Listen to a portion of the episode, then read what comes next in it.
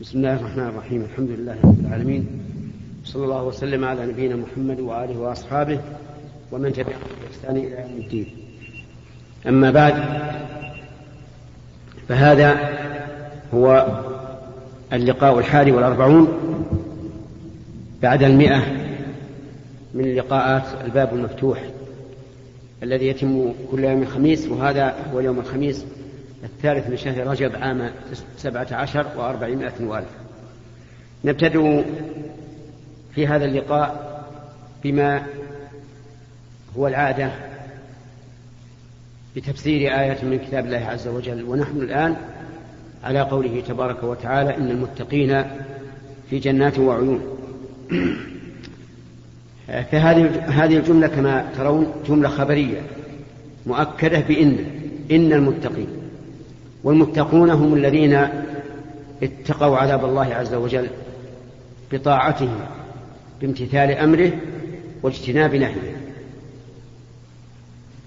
في جنات وعيون جنات جمع جنة وجمعت باعتبار أنواعها وأصنافها. وقد جاءت في القرآن مفردة مثل قوله وتلك الجنة التي اورثتموها وجاءت أيضا مجموعة فهي مفردة باعتبار الجنس ومجموعة باعتبار النوع. وعيون جمع عين وهي الأنهار الجارية وقد ذكر الله تعالى أنها أربعة أنواع. أنهار من ماء غير آس وأنهار من لبن لم يتغير طعمه وأنهار من خمر لذة للشاربين وأنهار من عسل مصفى. آخذين ما آتاهم ربهم. قوله آخذين هذه حال من الضمير المستتر في الخبر أي حال كونهم آخذين ما آتاهم ربهم أي ما أعطاهم من النعيم. وهذه الآية كالآية التي في سورة الطور فاكهين بما آتاهم ربهم. آخذين ما آتاهم ربهم أي ما أعطاهم الله من النعيم في هذه الجنات. ثم بين السبب الذي وصلوا به إلى هذا فقال إنهم كانوا قبل ذلك محسنين. كانوا قبل ذلك يعني في الدنيا محسنين أي قائمين بطاعة الله على الوجه الذي يرضاه الله عز وجل. وقد سبق بل وقد ثبت عن النبي صلى الله عليه وعلى آله وسلم أنه قال الإحسان أن تعبد الله كأنك تراه فإن لم تكن تراه فإنه يراك. هذا الإحسان في العبادة. أما الإحسان في معاملة الخلق فإن أجمع ما يقال فيه ما قاله النبي عليه الصلاة والسلام. من كان يحب أن يزحزح, أن يزحزح عن النار ويدخل الجنة فلتأته منيته وهو يؤمن بالله واليوم الآخر وليأتي إلى الناس ما يحب أن يؤتى إليه. هذا هو الإحسان للناس أن تعامل الناس بما تحب أن يعاملوك به من حسن الخلق وطلاقة الوجه وكف الأذى وبذل الندى إلى غير ذلك مما هو معروف. فهؤلاء المحسنون في عبادة الله محسنون إلى عباد الله. كانوا قبل ذلك أي قبل أن يأخذوا ما آتاهم الله من النعيم محسنين. ثم فصل هذا الإحسان فقال أو فصل نوعا من هذا الإحسان فقال كانوا قليلا من الليل ما يهجعون ما هذه؟ قيل إنها زائدة زائدة في المعنى لكنها زائدة في اللفظ لكنها زائدة في المعنى. وأن التقدير كانوا قليلا يهجعون. أي لا ينامون إلا قليلا. لماذا؟ من هنا الصوت هذا. سكتوا يا أخي سكتوا. كانوا قليلا من الليل ما يهجعون أي ينامون قليلا. وماذا يصنعون في هذه اليقظة؟ يصنعون ما ذكره الله تعالى في سورة المزمل. إن ربك يعلم أنك تقوم أدنى من ثلثي الليل ونصفه وثلثة وطائفة من الذين معك. هم ليسوا يسهرون على اللهو واللغو أو يستيقظون على مثله ولكنهم يقل نومهم للتفرغ لطاعة الله عز وجل. كانوا قليلا من الليل ما يهجعون وبالأسحار هم يستغفرون. الأسحار جمع سحر وهو آخر الليل. هم يستغفرون الله. يعني يسألون الله المغفرة. وهذا من حسن عملهم وعدم إعجابهم بأنفسهم وكونهم يشعرون بأنهم وإن اجتهدوا فهم مقصرون. فيستغفرون الله بعد فعل الطاعة جبرا لما حصل فيها من خلل. وأنتم تعلمون أن أنه يشرع في نهاية العبادات أن يستغفر الإنسان ربه مما قد يكون فيها من خلل. فبعد الصلاة يستغفر الإنسان ربه ثلاثة. وبعد الحج قال الله تعالى واستغفر فاذكروا الله عند المشرق الحرام واذكروه كما هداكم وإن كنتم من قبله لمن الضالين. ثم أفيضوا من حيث أفاض الناس. واستغفروا الله إن الله غفور رحيم. فهم يسألون المغفرة بعد تهجدهم وقيامهم وسهرهم في طاعة الله خوفا من أن يكون هناك تقصير. وهذا مما يدل على معرفتهم بأنفسهم وأنهم يرون أنفسهم مقصرين. خلافا لما يفعله بعض الناس الآن إذا تعبد لله تعالى بأدنى عبادة آه، شمخ بنفسه وظن وأدل, وأدل على الله تعالى بها وظن أنه من عباد الله الصالحين. صحيح أن الإنسان ينبغي أن يرجو ربه إذا أنعم عليه بالطاعة أن الله يقبلها لكن كونه يرى أنه قد أتم كل شيء هذا يخشى على الإنسان أن يحبط عمله وهو لا يشعر وبالأسحار هم يستغفرون وفي أموالهم حق للسائل والمحروم. في أموالهم كلها سواء الأموال الزكوية أو غير الزكوية فيها حق للسائل والمحروم. إذا أتاهم سائل أعطوه. إذا رأوا محروما أي ممنوعا من الرزق وهو الفقير أعطوه. فمالهم قد أعدوه. لما يرضي الله عز وجل من السؤال والمحرومين. وغير ذلك من الإنفاق. المهم من الإنفاق المشروع. اذا هم يقومون بطاعة الله. تهجد في الليل واستغفار وبذل للمال لكن من غير سرف ولا مخيلة حق وفي أموالهم حق للسائل والمحروم ونقتصر على هذا لأن نتفرق للأسئلة ولأنه سنبدأ بآيات جديدة ليست من الموضوع الذي نحن بصدده الآن. فلنبدأ بالأسئلة. تفضل.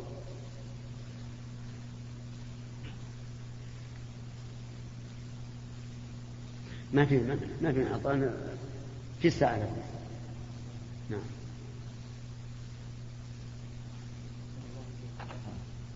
قوله وبالأسحار هم يستغفرون. هل يعني في صلب الصلاة أم يعني بعد انتهاء من الصلاة؟ لا بعد انتهاء من الصلاة. هكذا قال أهل العلم أنه بعد الانتهاء من الصلاة يخشون أن يكون فيها نقص فيستغفرون الله.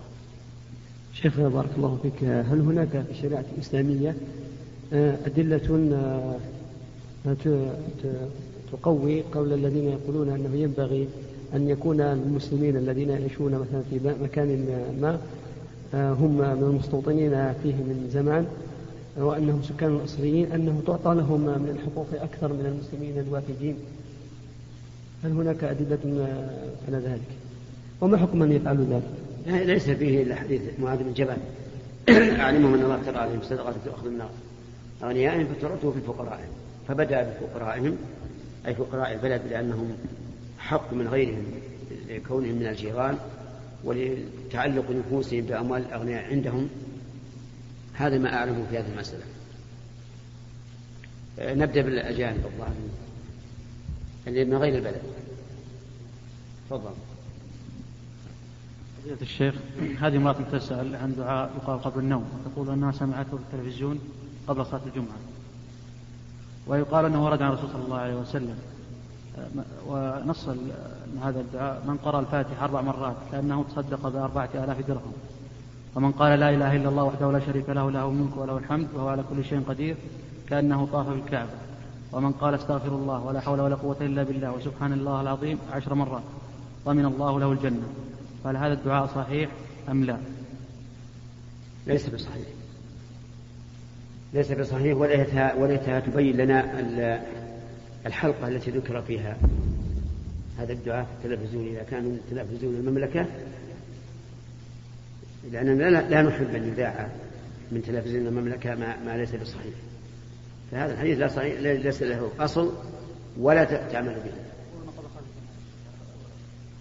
يعني هذا إيه ودي خلها تحدد لهذه تعلم ومن هو المتكلم؟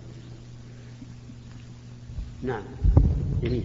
يا شيخ هذه امرأة تذكر أنها متزوجة آه، وذكرت أن لها يعني منه أولاد كثير وتقول أن زوجي تزوج قبلي وبعدي. وأن عمرها فوق الأربعين وتقول زوجي سيء المعاملة معاملة وأخلاقه شرسة ويعاملني أسوأ المعاملة يقصر في حقوقي ولا يلبي لي أي طلب ولو كان تافه. وإذا أتى إلى فراشي يقول لي آه، أن أني أجامعك ليس محبة فيك ولكن خوفا من الله.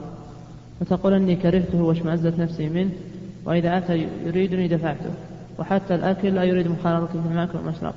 هل علي إثم في ذلك؟ وهل عليه هو إثم فيما يفعل؟ أفيدونا جزاكم الله خير لا شك أن الواجب على الزوجين أن يعاشر كل منهما الآخر بالمعروف لقوله تعالى وعاشروهن بالمعروف وما وصفت عن زوجها ليس من العشرة بالمعروف.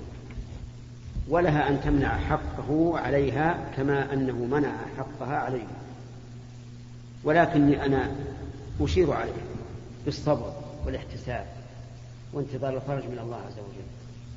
وكل شيء له ممكن. هذا ما أراه بالنسبة لها. أما إن أرادت أن تحاقه وأن تأخذ حقها منه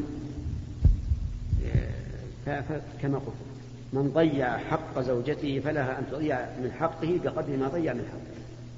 لأن الله قال عاشروهن بالمعروف. نعم. أحسن الله إليك آه أنت من أهل البلد.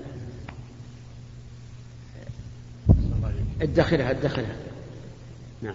أحسن الله إليك فضيلة الشيخ الجمعية الخيرية تجمع أموال زكاة وصدقات وتبرعات توزعها على الفقراء والمساكين ولها يعني هي الآن في مبنى فهل لها أن تدفع أجار المبنى من أموال الزكاة؟ أموال الزكاة لا, لا يجوز أن يدفع منها أجرة المبنى ثم الواجب على هذه الجمعية أن تفعل كما فعل غيرها بمعنى أن تجعل بند خاص بالزكاة وبند بالصدقات وبند للأعمال الخيرية العامة. المهم أنها لابد أن تميز الزكاة عن غيرها تقول ما وجدنا يا شيخ من أموال الصدقات أو التبرعات الأخرى ما يفي سداد إذا لم تجد تطلب آه، بالشخص من شخص معين أجرة هذا المكان. أحسن الله إليك. إيه طيب والعاملين يا شيخ الجمعية هل يعطون من أموال الزكاة؟ العاملين إذا إذا كانوا إذا كانوا منصوبين من قبل الدولة. لكن من الجمعية ممكن لا ما ما محاسب أبدا لكن ما تكفيه يعني رواتبه ما تكفيه. أي ما ينفع هذا إلا إلا من جهة الزوجة. لأن العاملين عليها هم العاملين من قبل من قبل ولي الأمر. ولهذا جاء حرف الجر عليها لم يقل فيها. إشارة إلى أنه لابد أن تكون لهم ولاية.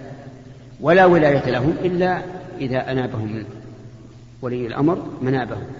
أو منابه. شيخ هو محاسب في الجمعية ورواتبه ما تكفي. يا أخي لا, لا يحاسب لا, لا, لا يكون فيها. الجمعية الآن تبين لي من كلامك أنها ضعيفة وأن اعتمادها الأصلي على الزكوات. إذا تترك المجال لغيرها الزكاة الآن الحكومة جعلت لها مصدر معين مورد معين ومصدر معين ومصرف معين. نعم. حبك الله. الذي هناك شاب كان مسرفا على نفسه وكان يستعمل المخدرات. فتاب فهو مديون الآن يطلبون أصحاب المخدرات. هل يسددهم قيمة ما اخذه من المخدرات أم يترك؟ أنا أرى أنه بارك الله فيك يعطي ما أخذ قيمة ما أخذه منهم إلى بيت المال ولا يرده عليه. أما كونه لا يرده عليه فلأنه آه، ثمن شيء محرم وأما كونه يرد إلى بيت المال فلئلا يجمع له بين العوض والمعوض. يعني لو قلنا لا تعطيهم معناه أنه آه، أخذ العوض سابقا من هذه المخدرات نسأل الله العافية وأمسك قيمته. فنقول القيمة التي اشتريتها لابد تعطيها بيت المال. وأما هم فلا يستحقون شيئا لأنهم أصل كسبهم مال حرام. هنا. طيب إذا تصدق به ما ينفع لازم يرجع إلى بيت المال. هنا نعم ما ينفع لأن لأن لأنه إذا رجل بيت المال إن قيل له تصدق به راح القاضي وقال له القاضي تصدق به لا بأس. ما في تعليم نعم. من من من عندك؟ فضيلة إي بس بالترتيب.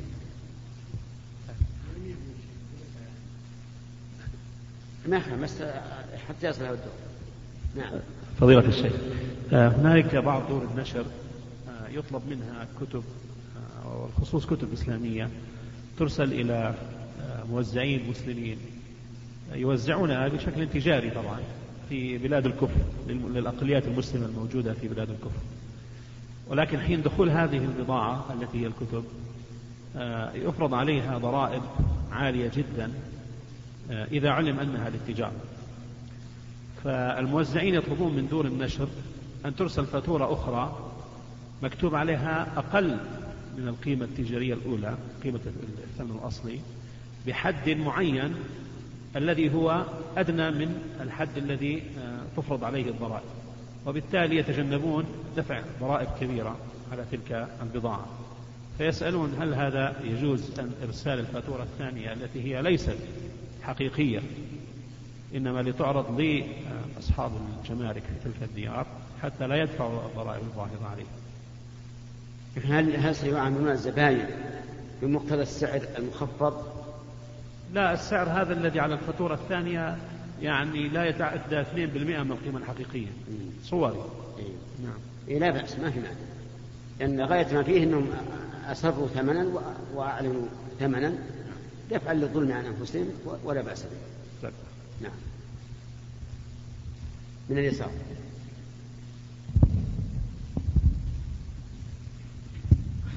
فضيلة الشيخ هناك عباءة لها أكمام تشابه للفرن ما تسمى بالفرنسية. وهذه لا تكون لا يكون فيها تطريز. وبعضهم يقول أن هذه ليست فرنسية وتكون في بعض الأحيان ضيقة. بالإضافة إلى النقاط يكون عليه غطاء لكن لون البشرة يكون واضح من خلف الغطاء. ما رأي فضيلتكم؟ أرى أنه لا بد أن يكون آه، غطاء الوجه غطاء صفيقا يستر الوجه. لا بد من هذا. أما مسألة العبات فإذا كانت لا يعني لا تصف حجم البدن فلا بأس بها على أنني أكره كل جديد من هذا النوع. لأن النساء إذا كانت تتلقى كل موضة تأتي فسوف تتوسع. فاليوم يمكن يصلهم عباءات واسعة وفضفاضة وبعد إذن يكون ضيقة ثم بعد مدة ليست بعيدة تترك العباءة نهائيا. ولا ندري ماذا ماذا سيكون. ولذلك أنا أرى أن يجب على الرجال الذين هم أولياء النساء أن يلاحظوا هذه المسألة وأن لا يدخل العنان للنساء تشتري ما شاءت وتلبس ما شاءت.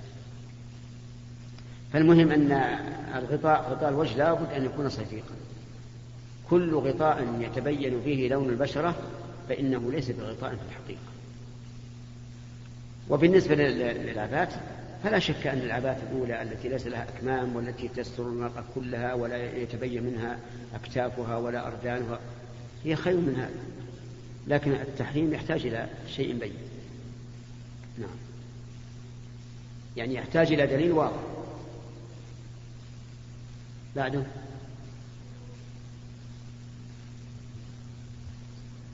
وين السائل التي تقول طيب تفضل. إذا دعا الشخص وقال اللهم إن كان في سابق علمك أن هذا الشخص من أهل النار فاللهم لا يعني أهلك واقتله ولا تبقيه وإن كان في سابق علمك إنه من أهل الجنة اللهم اهله هذا غلط عظيم. ولا يجوز الدعاء بها. بل الواجب أن تدعو لإخوانك بالهداية. وكونه في سابق علم الله أو هذا ما تعترض عليه أنت.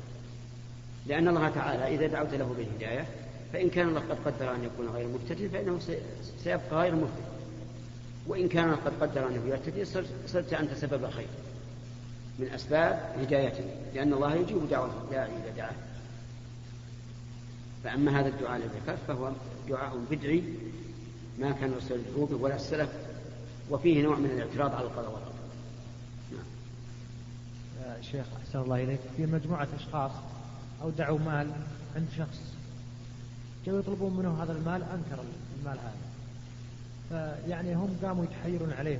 حيلة بس يستخلصون المال هذا. يعني ما كيف الحيلة؟ يعني أرسلهم مثلا يجيبون جهاز يجيبون يشترون له حاجة. يقولون الجهاز هذا حصلناه مثلا 500 ريال. نعم وهو بالحقيقة أنه نية أو آه عشان أو أو يعني مهدى عليهم هدية بس هم أعطوه إياه يعني قالوا هذا القيمة على أساس يأخذون المال المهم سأعطيك حديثا عن الرسول عليه الصلاة والسلام. قال لا تقل أدي الأمانة إلى من ائتمنت ولا تقل من خانك. فإذا كان قد جحد قد جحد حقهم ولم يمكن إقامة البينة عليه عند القاضي فإنهم سيجدونه في وقت يكون أنفع لهم من الحياة الدنيا. وأما التحيل فلا يجوز نعم.